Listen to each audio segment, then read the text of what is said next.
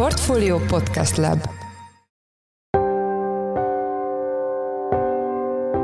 Mindenkit üdvözlünk, sziasztok! Ez a Checklist a Portfólió napi podcastja március 30-án csütörtökön. A műsor első részében arról lesz szó, hogy a kormány csökkenti az úgynevezett alapbankszámla díját, amely csomagot minden banknak kötelező a kínálatában tartania. A fő kérdés, hogy ez kinek éri meg, hiszen ez egy sok tekintetben korlátozott számla azok, akik mondjuk eddig akár egyáltalán nem bank voltak, vagy nem törődtek vele, és most megjelenik egy harmadára csökkentett havidíjú számlacsomag, ami lehet, hogy pont ki is elégíti az ő alapszükségleteit, azok között azért lehet, hogy lesznek, akik váltanak, és egyébként azt sem tartom feltétlenül kizártnak, hogy lehet, hogy egy-két bank esetleg úgy dönt, hogy akkor beszáll egy ilyen típusú számlával is a versenybe. Vendégünk Turzó Ádám, a portfólió pénzügy rovatának elemzője. A második blogban azokról az értesülésekről lesz szó, amely szerint az orosz hadsereg kifogyhat az őszerekből és hadi felszerelésekből. Erről Huszák Dánielt, lapunk globál rovatának vezető elemzőjét kérdezzük. Én Szász Péter vagyok, a Portfolio Podcast Lab szerkesztője, ez pedig a checklist március 30-án.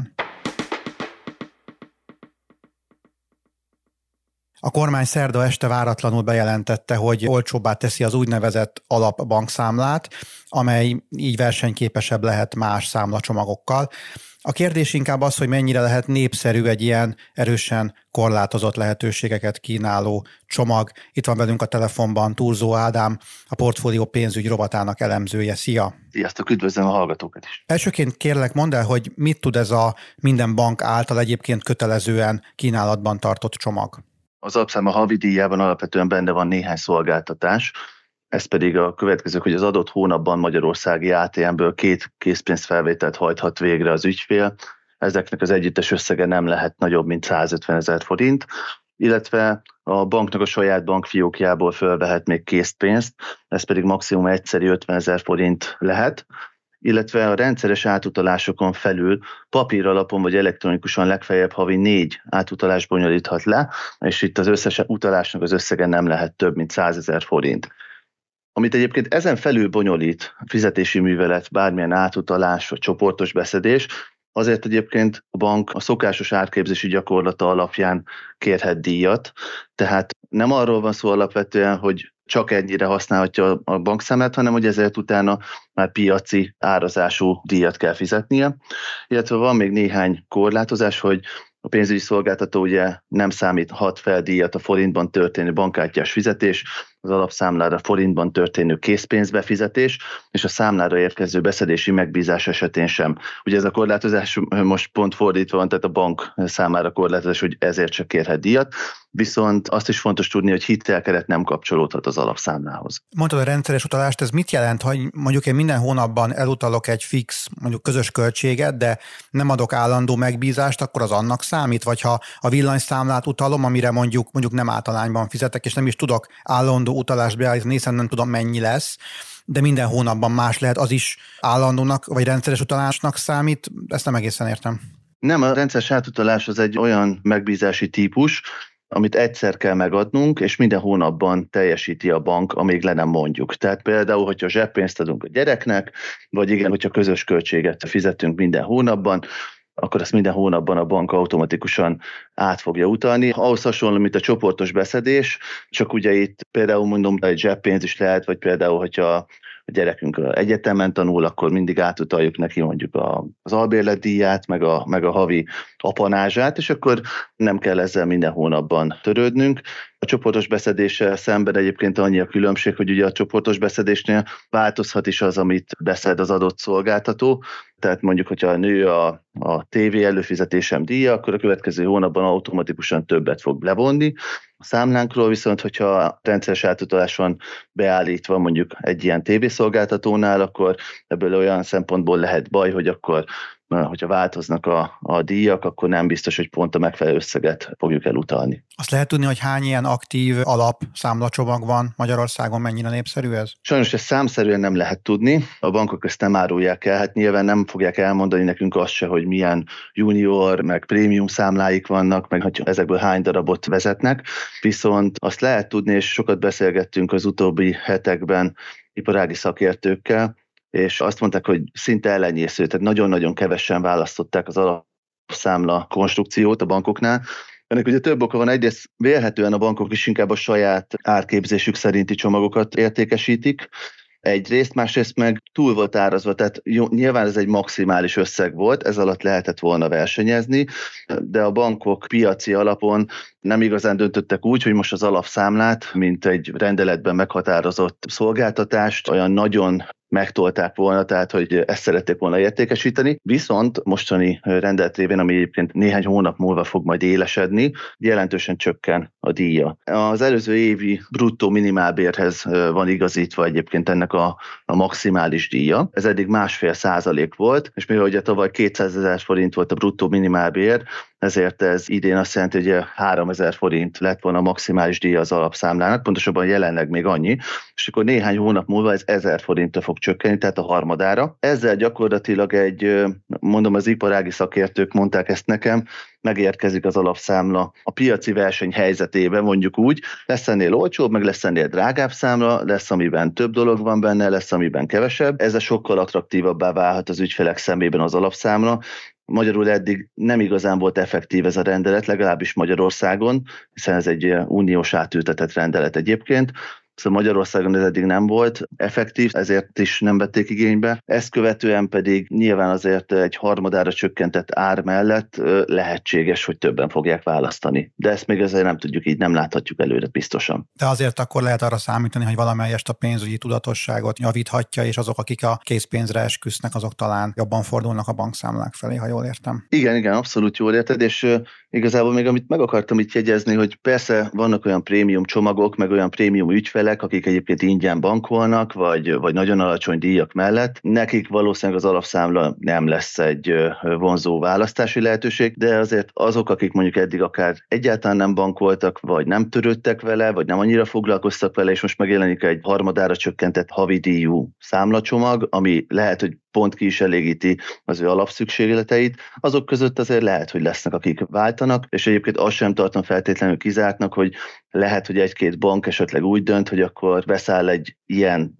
típusú számlával is a versenybe. Nyilván ezt, ezt eredetileg a jogszabályalkotó is úgy képzelte el, hogy mivel ugye ez egy maximum díj, ezért majd versenyezni fogunk a bankok, de az lett a, a gyakorlatban a valóság, hogy, hogy azért ebben nem volt akkora verseny, de mindenki inkább maradt a saját csomagjainál. Talán még a nyugdíjasok számára is ez egy, ez egy vonzó alternatíva lehet, ha jól gondolom. Igen, egyébként teljesen. Kicsit áttérve a, az általános kérdésekre, mennyi természetes személyhez tartozó bankszámla van jelenleg itthon, az lehet tudni a statisztikákból? Így van, az MNB erről vezetett statisztikát, a tavalyi utolsó negyedéves számot ismerjük. December végén mintegy 9,7 millió lakossági bankszámla volt. Egyébként a, a lakossági bankszámlák száma az utóbbi néhány évben inkább emelkedő tendenciát mutat, szóval így kb. 2020 első negyedévétől kezdve, akkor 9,3 millió volt, most egy jó 400 ezer bankszámlával több van Magyarországon a lakosságnál. És mennyire drágultak az elmúlt években a számlavezetési díjak, tehát átlagban? Általában úgy nagyjából az inflációt tudják követni. Korábban, amikor azért kisebb volt az infláció, akkor nem feltétlenül emeltek még akár az infláció mértékével sem a bankok, Nyilván egyébként ez egy nem túl rugalmas árazási piac, hiszen senki se szereti azt, hogyha valamiben megegyezünk, hogy ennyi lesz a díja, akkor azt minden évben nem tudom 10%-kal vagy hárommal növelgeti egy bank, ezért azért ehhez óvatosabban nyúlnak hozzá a bankok. Mindenféle díjemelés ugye nyilván az ügyfeleknek a nem tetszését váltja ki. Egyébként a bankoknak az ASF-jében nagy részüknek benne van, hogy infláció mértékével tudnak emelni, és hát azért az látszik, hogy idén tavasszal többen az emelés útjára léptek. Arra számítunk, hogy a, akik még nem változtatták meg a díjaikat, azok is lépni fognak. Szóval a piac most egy drágulás irányába mutat mondjuk úgy számlacsomagok révén, és hát egyébként nem csak a bankoknál, hanem tényleg az összes telekom szolgáltatónál, TV előfizetésnél, mobil szolgáltatónál is láthatjuk azt, hogy sorra emelték meg az árakat. A bankoknál is egyébként erre számítunk. Köszönjük szépen az elmúlt percekben Turzó Ádám, lapunk pénzügyrovatának elemzője volt a vendégünk. Köszönjük, hogy a rendelkezésünkre álltál. Én is köszönöm, sziasztok! Rendszeresen lehet arról hallani, főként elemzők szájából, illetve nyugati hírszerzési jelentésekben, hogy Oroszország kifogyhat a fegyverekből, lőszerekből, hadifelszerelésből. Ha pedig az igaz, akkor az azt jelenteni, hogy a háború belátható időn belül véget érhet, de vajon igaz ez? Itt van velünk a telefonban Huszák Dániel, a Portfólió Globál rovatának vezető elemzője. Szia! Szia Peti, üdvözlöm a kedves hallgatókat! Az első kérdésem, hogy ki vagy kik állítják, hogy az orosz készletek kifulladóban vannak? Hogy te is felhívtad rá figyelmet elsősorban ilyen nyugati hírszerzési szervezetek, illetve elemzőházak rendszeresen értekeznek arra, hogy Oroszország bizonyos haditechnikai eszközökből kifogyóban van, vagy már ki is fogyott. Gyakran lehet olvasni elemzéseket arról, hogy tüzérségi eszközökből, tüzérségi lőszerekből elsősorban, nagy hatótávolságú precíziós rakétákból, nagyon megcsapantak a készleteik. Most az elmúlt időben arról is volt szó, hogy már a szárazföldi harcjárművekből is kifogyóban vannak elsősorban ilyen harckocsikra kell gondolni. Arra a korábbi felvetések mm, reflektálva, hogy mennyire lehetnek igazak ezek az értékelések. Én úgy gondolom, hogy nyilván abszolút igazak lehetnek, de az az, amit az ilyen értékelések ugye gyakran nem vesznek latba kellőképpen, vagy nem kezelnek kellő súlyjal az, hogy Oroszországnak van egy hadipara, ami ráadásul a világ egyik legnagyobb hadiparja volt már a háború előtt is, és a háború alatt az orosz vezetők azok lényeges kapacitás bővítéseket hajtottak végre, illetve terveznek végrehajtani. Az, hogy pontosan ezek mennyire lesznek sikeresek, illetve mennyire növelik ténylegesen az orosz hadipari gyártókapacitásokat, és ugye az is kérdés, hogy milyen technikai színvonalon tudják az új haditechnikai eszközöket legyártani. Elsősorban ugye a szankciók miatt ezek nyilván nagy kérdések, de úgy látom, hogy ha igaz is az, hogy, hogy egyes haditechnikai eszközök valóban elfogyhatnak az orosz haderő készletéből, ez önmagában azért abszolút nem jelenti azt, hogy a háborúnak így egy hamar vége lesz. Azt azért fontos megemlíteni, hogy láthatóan az oroszok nem erre készültek, nem egy ilyen elhúzódó háborúra, tehát ebben a tekintetben laikusként legalábbis azt gondolnám, hogy lehet alapja annak a vélelemnek, hogy kifullad a lendület. Én is abszolút egyetértek ezzel, az nyilvánvaló, hogy elégtelen hadipari képességgel vágtak bele ebbe a háborúba, és nem számítottak arra, hogy ilyen veszteségeket kell majd pótolni, de közben abszolút az látszik, hogy azért megy a gondolkodás arra, hogy Oroszország hogyan tudja pótolni ezeket a veszteségeket, illetve a háború tanulságai kapcsán hogyan tudja egyes fegyvereit újra tervezni, illetve hadi, hadipari kapacitásait jelentősen bővíteni, tehát ilyen irányba abszolút megy a gondolkodás. Az a kérdés, hogy ez mikor érik ugye be. Mi van az oroszok tarsójában? Honnan tudnak utánpótlást szerezni? fegyverek, hadi eszközök tekintetében. Ugye arról is lehet elemzéseket olvasni, meg hát ugye látjuk a gyakorlatban is, hogy ilyen kvázi renegát államok, mint, mint Irán, illetve észak az rendszeresen látják el az orosz haderőt fegyverekkel. Irántól elsősorban ugye katonai drónokat szereztek be az oroszok, illetve valószínűleg lőszereket, és észak pedig állítólag nagy mennyiségű tüzérségi lőszerrel látta el az orosz haderőt. Ugye elvileg gondolkodás van azzal kapcsolatosan is, hogy egyéb technikai eszközöket, például nagy hatótávolságú rakétákat szerezzen be Oroszország Irántól, illetve most az Egyesült Államok szerint Kínával is tárgyalnak arról, hogy, hogy drónokat hogyan lehetne beszerezni, de ugye továbbra is azért a legtöbb elemző az az arról értekezik, hogy kevés az esély arra, hogy az Egyesült Államok gazdaságától és politikai erejétől igencsak jelentősen függő Kína az fegyvereket szállítson Oroszországnak, de ezek szerintem átmeneti megoldások, tehát nem hiszem, hogy itt, itt hosszú távon arról lesz szó, hogy hogy Oroszország elfogy a, a tankokból és a kézi fegyverekből és a rakétákból, és akkor hirtelen azt fogjuk látni, hogy a frontvonalon Oroszország már csak észak és iráni fegyverekkel fog harcolni. Tehát tényleg fontos hangsúlyozni azt, hogy Oroszország az, az elég jelentős gyártókapacitásokkal rendelkezik. Nyilván nem elég gyártókapacitással ahhoz, hogy az eddigi veszteségeket pikpak pótolni tudják, de folyamatban van ezeknek a bővítése. Pénzük lesz erre? Ugye azt lehet olvasni, hogy szándékosan vagy nem szándékosan, azt nem lehet tudni, nem hirdették ki a hadi állapotot, így azért korlátozott mennyiségű pénz áll az oroszok rendelkezésére arra, hogy, hogy mindent hadifejlesztésekre költsenek. Ez igaz? Én úgy látom, hogy arról nem igazán lehet beszélni, hogy, hogy Oroszország most a semmiből forrásokat varázsoljon elő arra a célra, hogy hogy a hadipar átfejlesz Tehát itt arra kell gondolni, hogy ha Oroszország ezeket a képességeket fejleszteni akarja, valószínűleg más, kevésbé fontosnak ítélt szektoroktól kell forrásokat elvonniuk, és ezeket kell felhasználniuk a hadiparnak a fejlesztésére, illetve bővítésére. Nyilvánvalóan számos olyan szektor van, ahonnan adott esetben Oroszország tud még forrást elvonni, és arról is szerintem fontos beszélni, hogy ha Oroszország nagyon akar, akkor akár civil gyártóüzemeket is át tud állítani hadipari termelésre. Most, hogy Oroszország kihirdeti-e a hadi állapotot, vagy nem, vagy különleges műveletnek hívja ezt a háborút, vagy nem, az szerintem teljesen irreleváns kérdés, mivel az orosz vezetés a saját jogrendjét sem veszi konzisztensen figyelembe, illetve mindig talál valamilyen kiskaput, amivel a saját törvénykezést úgy módosítja, vagy kerülje meg, hogy az az, az aktuális politikai érdekeknek megfelelő legyen, tehát igazából ez szerintem teljesen irreleváns kérdés. Simán lehet, hogy átállítanak mm, civil üzemeket mondjuk hadipari gyártókapacitásra, hadiállapot hirdetése nélkül is, ha erre politikai igény van, Úgyhogy szerintem ebben abszolút kell gondolkozni. Lehet, hogy ezt mondjuk nem deklaráltan nagy csinadrattával teszik, de azért, azért látszik azt, hogy az orosz vezetők rendszeresen, rendszeresen foglalkoznak azzal, hogy hogyan tudják a meglévő gyártó üzemeiknek a kapacitásait bővíteni, illetve adott esetben fokozni ugye a fegyvereket gyártó üzemeknek a számát is. Nyilván, ahogy te is említetted, azért itt Oroszországnak nincs erre végtelen forrása, tehát nem arra kell gondolni, hogy most előhúznak a, a földből három új repülőgépgyárat és négy új tankgyárat, de van, van arra mozgástér, hogy meglévő üzemeket állítsanak át hadigyártásra. Ha így is lesz, milyen minőségű milyen hatékonyságú fegyvereket tudnak ott előállítani? Hát ez egy nagyon jó kérdés. Ugye azt szerintem mindenképpen lehet látni, hogy háború alatt legyártott haditechnikai eszközöknek egy, egy részéből talán már hiányoznak olyan olyan eszközök, ami, ami mondjuk high-technek mondható, adott esetben ugye egy csomó hír volt arról, hogy például a 2010-es évek közepén legyártott harckocsikban amerikai csipeket, amerikai félvezetőket használtak.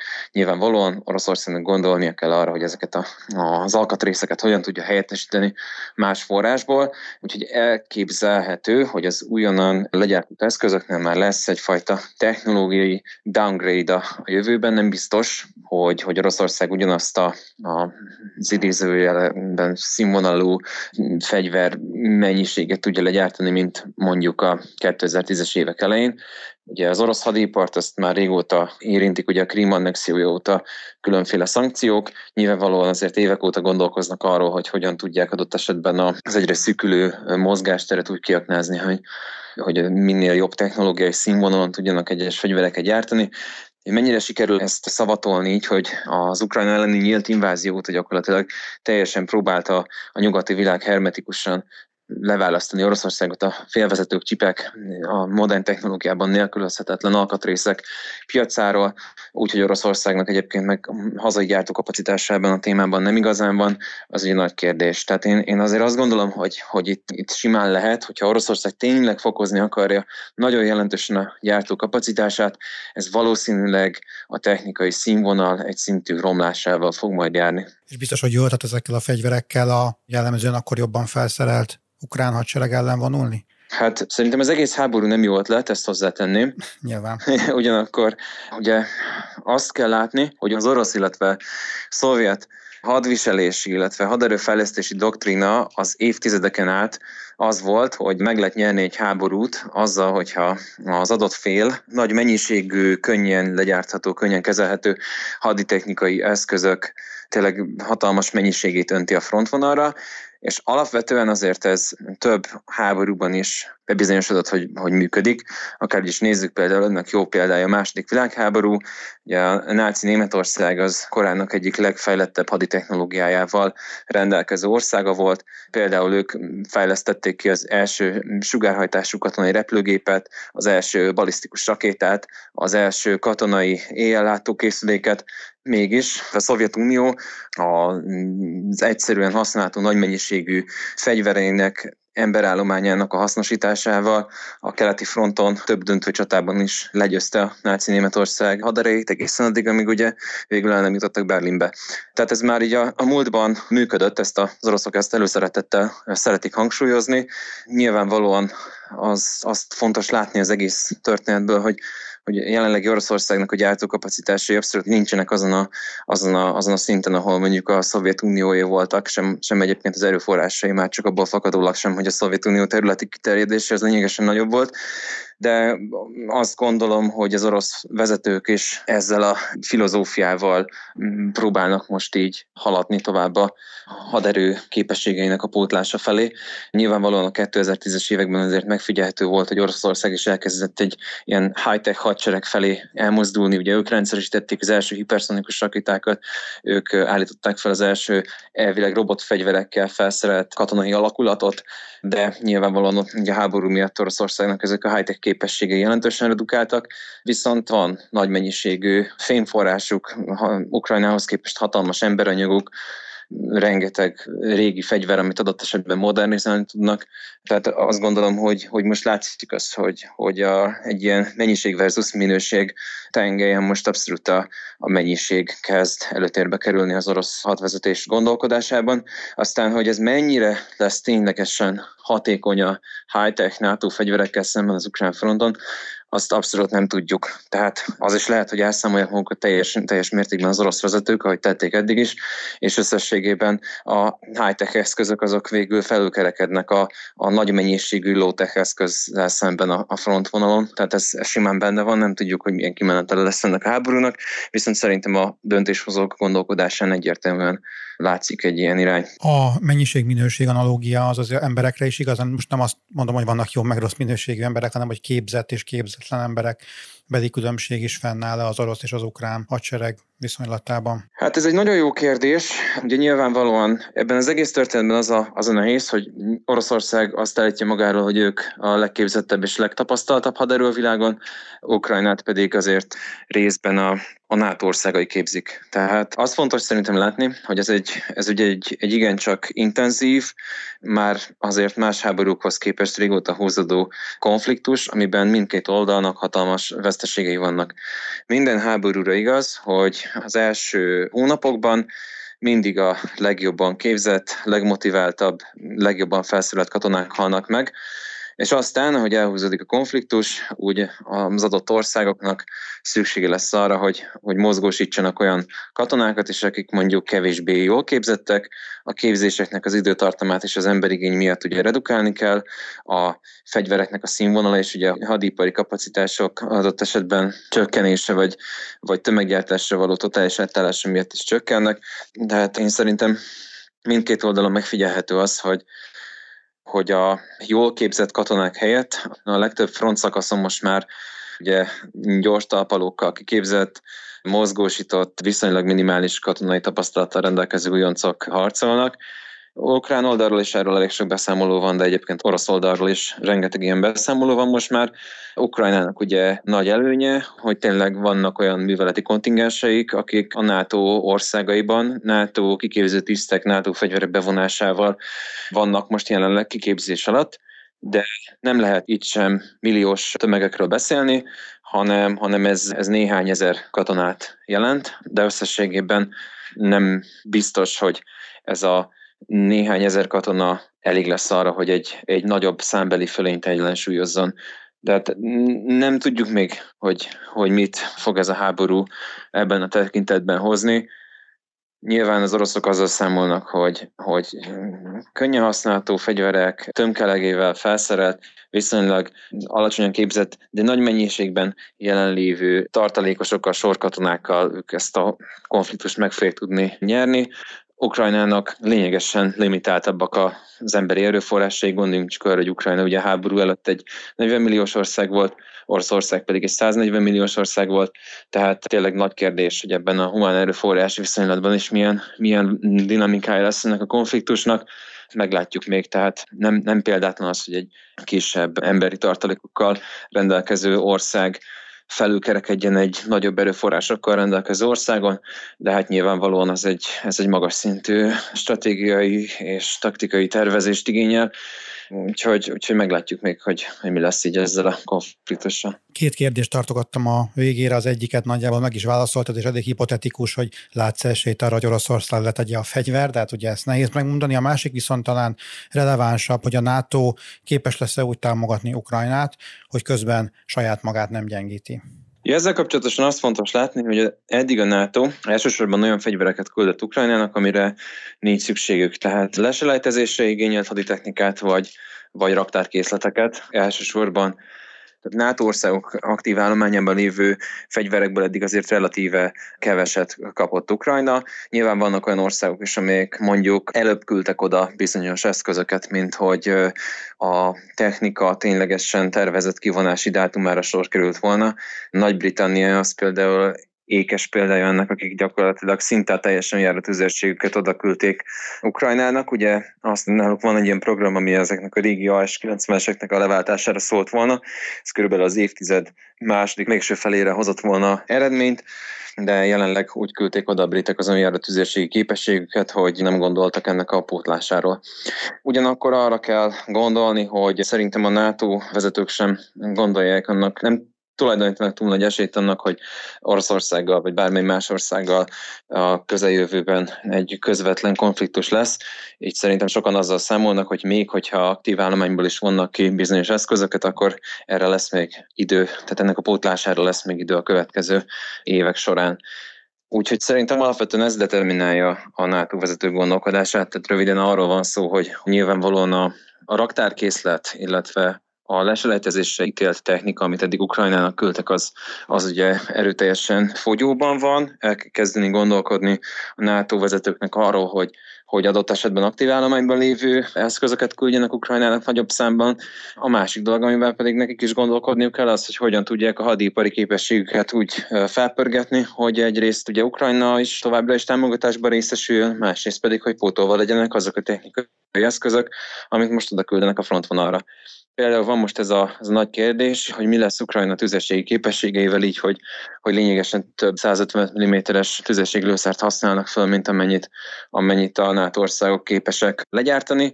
Jött most ez a, ez a nagy ígéret, hogy akkor egy éven belül az európai NATO országok azok 1 millió 150 mm-es lőszert fognak Ukrajnának adni, csak hát az a probléma, hogy Európa egy évben nem tud ennyi lőszert gyártani, kb. 200-300 ezer 150 mm-es lőszert gyártnak az európai üzemek, tehát nem csak Oroszországban, hanem a NATO országokban is akut kérdés lesz, hogy hogyan tudják a hadipari képességeket jelentősen fokozni a következő években, mivel azért igencsak valószínűsíthető, hogy ez a konfliktus ez még akár évekig is eltarthat, aztán pedig alig ha szenved Oroszország olyan szintű megsemmisítő vereséget, hogy ne jelentsen fenyegetést a, a NATO országainak a következő években vagy évtizedekben. Tehát tényleg itt az európai vezetők részéről hosszú távú gondolkodás szükséges ahhoz, hogy hogyan tudják a védelmi ipari kapacitásokat visszaépíteni, amelyek a 90-es évek óta igencsak jelentősen leépültek az egész kontinensen. Köszönöm szépen az elmúlt percekben Huszák Dániel, lapunk globál rovatának vezető elemzője volt a vendégünk. Köszönjük, hogy a rendelkezésünkre álltál. Én is köszönöm a figyelmet, kellemes napot kívánok!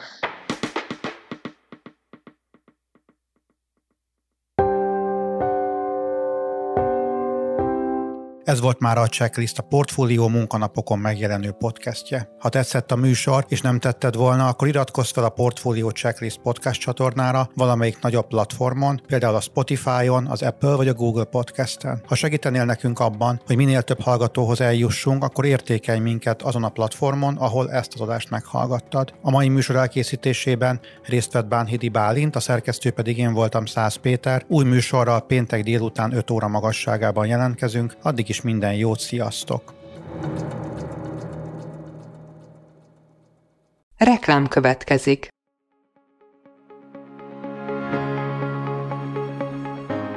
Raúl Müller Lajos vagyok, az Agrárszektor főszerkesztője. Májusban két tematikus konferenciát is rendezünk Kecskeméten az agrofood szektor szereplőinek. A május 22-én tartandó Portfolio Agrofood 2024 konferencia az élelmiszeripari vállalkozások, beszállítóik, a szolgáltató cégek és a kereskedők számára nyújt egyedi betekintést az aktuális trendekbe. A május 23-án megrendezendő Agrofuture konferencia pedig egyedülálló módon tematikus formában foglalja össze a hazai agrárgazdaság fenntarthatósági követelményeit és innovációs lehetőségeit.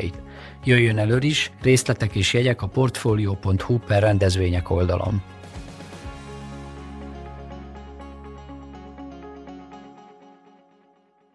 Reklámot hallottak.